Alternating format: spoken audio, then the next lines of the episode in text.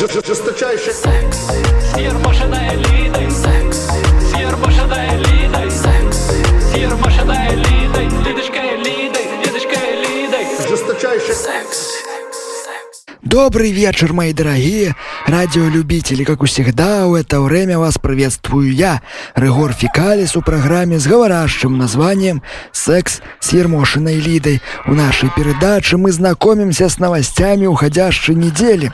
Новости у нас, как всегда, самые честные и достоверные. Оснабжают нас, я бы даже сказал, кормят нас этими вкусными новостями. Наши постоянные партнеры, телеграм-канал президентской газеты «Советская Белоруссия» и авторитетнейшее мировое информационное агентство «Панорама», сайт panorama.pub.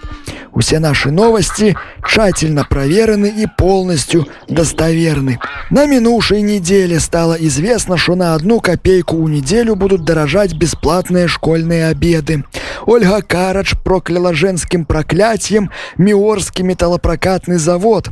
Также стало известно, что у Мозамбике пройдет серые кинопоказы у белорусских фильмов про Великую Отечественную войну. У Пуховичах открылся исследовательский центр для изучения незаконных БЧБ запахов. Председатель постоянной комиссии по национальной безопасности палаты Олег Белоконев предложил за призывы к санкциям зашивать у свиные шкуры и закапывать живьем.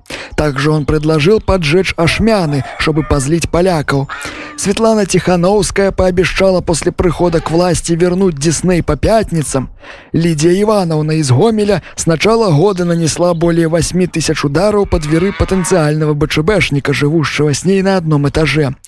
Небезразличная пенсионерка пообещала сделать 10 тысяч ударов до конца года народного единства. Министерство унутранных дел потребовало от айтишников добровольно сдать усе свои курсоры. Лукашенко обвинил Воробьев у поедании урожая картофеля, а сенатор Дмитрий Басков потребовал от правительства выделить из бюджета 900 миллионов рублей на борьбу с воздушными ямами.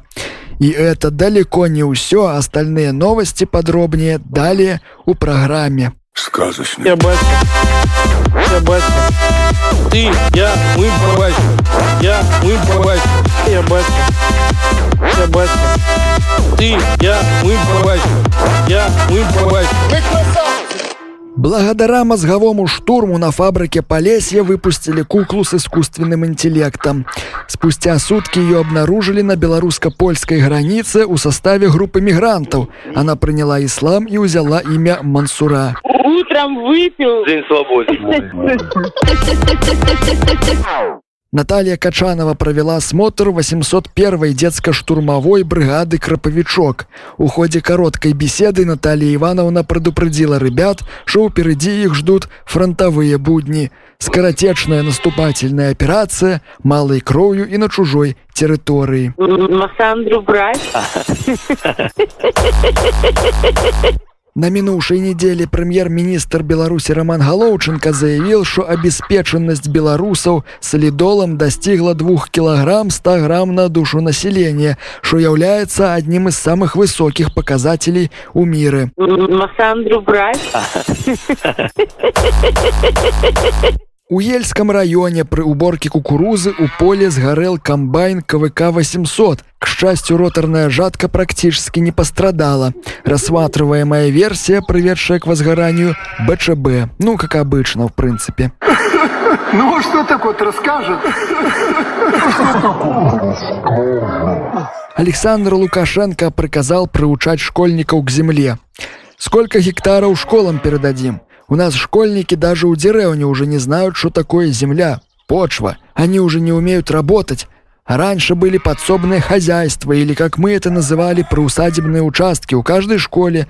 Дети заготавливали себе на всю зиму до следующего урожая и морковь, и свеклу, и капусту, то, что нужно к столу. Пусть сами себе выращивают еду. Не смогут, умрут от голода. Голод – лучший учитель, сказал Александр Рыгорович. Ну, а что такое расскажет? Новости науки. Группа ученых Президентской академии наук провели смелый эксперимент, в ходе которого они смоделировали на суперкомпьютеры Полесье 8 дроп 1У симуляцию жизни без Александра Лукашенко. Проект оказался неудачным. Теперь бывшие ученые ближайшие 12 лет будут симулировать у других местах. Массандру брать? У пещеры неандертальцев нашли запечатанную 40 тысяч лет назад урну для голосования. Анализ показал, что она более чем на 80% заполнена песком. Что с этим делать ученые пока не знают. Ну, что такое, расскажет? У Беларуси программистам запретят пользоваться клавиатурами. Данная мера позволит снизить уровень агрессии программистов. По мнению чиновников программы для ЭВМ можно писать и у общих тетрадях, прошитых журналах или на черновиках. Утром выпил. День свободы. Коллектив Крычевского завода паяльников на встречу с Александром Лукашенко передал главе государства открытое письмо рабочих с требованием к России возместить белорусскому государству потери от распада СССР. Об этом сообщает официальный телеграм-канал президентской пресс-службы Пул Первого. Мы, рабочие Крычевского завода паяльников, требуем от Российской Федерации немедленно покаяться за свои грехи по развалу Советского Союза. Предатели улицы Горбачева, Ельцина, Чубайса и многих других деятелей российской политики и олигархов ликвидировали нашу великую родину от Калининграда до Владивостока. Прозападные буржуи жируют на природных ресурсах России, пока наша Беларусь под предводительством сильного лидера нации Александра Лукашенко получает объедки со стола. Ущерб Беларуси от уничтожения СССР неоценизм. От рук российских олигархов, которые вывезли все наши общие советские природные богатства в Европу, пострадали десятки миллионов белорусов. Могло пострадать и больше, но наш президент защитил заводы и шахты от рук капиталистических подонков. Историческую справедливость нужно восстанавливать, и Россия должна взять на себя полную моральную и материальную ответственность за действия своих так называемых граждан. Именно она должна найти у себя силы покончить с исторической несправедливостью и возместить колоссальный урон белорусской земле и президенту, говорится у письме. По подсчетам независимого аналитического центра при президенте ЕКОМ, ущерб государству от распада Советского Союза составил 248 миллиардов долларов. Именно такую сумму недополучило белорусское государство вследствие приватизации советских природных ресурсов олигархами. Высказался на эту тему и Александр Лукашенко. Создаем союзное государство, подписываем долгожданные документы, сближающие наши страны. Уже про единую валюту заговорили. Но что-то уклоняется Россия от компенсации ущерба от развала СССР. Они забыли, как их мрази-олигархи забрали себе все наши советские природные ресурсы. 248 миллиардов мы недополучили из-за этого. Я просить усю сумму не буду. Мы, братья, можем прощать долги, но хотя бы 30 миллиардов Россия обязана выделить. Мы, белорусы, также должны получить долю у этих упившихся у природные недра нашей родины компаниях. Я про это уже полтора года назад говорил, что мне эти копеечные 600 миллионов, которые нам предложили до конца 2022 года, их даже на газ и нефть не хватит. Я сказал это вчера Володе, пускай знает свои долги, отметил он. Ну, что такое, расскажет? Суд заводского района города Минска принял решение лишить газету «Комсомольская правда» ордена Ленина, которым коллектив издания был награжден в 1930 году. Современная комсомолка никакого отношения к СССР не имеет, поэтому наличие у нее главной советской государственной награды давно уже вызывало вопросы. Судом были проанализированы архивные документы, заслушаны свидетели, получены характеристики на редакционную политику комсомольской правды от ведущих экспертов. Все это позволило сделать вывод, что газета в нынешнем состоянии является изданием скорее антисоветским. Многие штатные журналисты регулярно выступают с критикой СССР и социализма. Например, Небезызвестный антисоветчик Олег Кашин много лет сотрудничал с комсомольской правдой, а Эдвард Чесноков вообще организовал целую кампанию память о Николае Гумилеве, который в 1921 году был активным участником заговора против советской власти, заявил пресс-секретарь суда Павел Барановский. Как нам стало известно, в ближайшее время орден Ленина номер один, а комсомольская правда была первым коллективом, получившим награду, будет передан другой организации. Утром выпил. День свободы. По требованию Международного колониального банка был заморожен депозит с 30-летними накоплениями публициста Советской Белоруссии Андрея Муковозчика. Золотое перо Белоруссии спокойно отнесся к этой новости.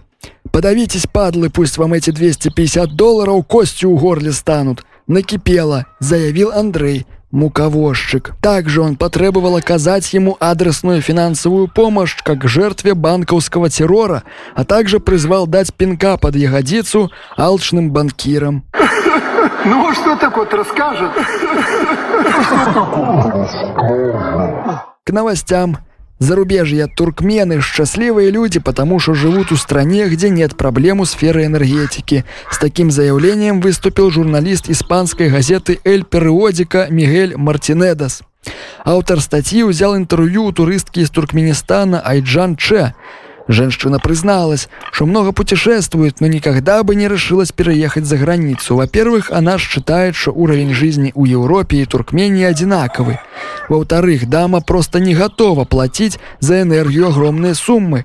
Журналист произвел несложные подсчеты и убедился, что жителям Туркмении действительно повезло с местом проживания. Мигель Мартинедес даже немного расстроился, что не родился у Средней Азии. Счет за свет у четыре раза меньше, чем у Испании, а заправка машины для туркмена обойдется более чем у два раза дешевле, удивлялся автор статьи. Счастливое неведение о реальной цене киловатт-часа получает свое максимальное выражение у ноябре и декабре, отметил Мигель Мартинедес. Видя такую разницу у ценах, усерьез задумаешься о переезде у Туркменистан, подвел итог испанский журналист. Массандру брать. Главный редактор Раша Today Маргарита Симоньян извинилась перед россиянами за Григория Азаронка. Не самый наш удачный проект, созданный на скорую руку. Можно его сравнить даже с монстром Франкенштейна, который вышел из-под контроля. Простите, мы все исправим, говорится у сообщении. Ну, конечно, да, монстры что тот создали, черт знает что.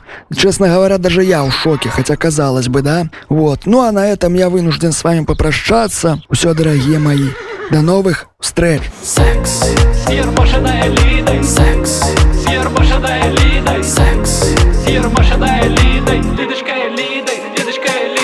Жесточайший секс.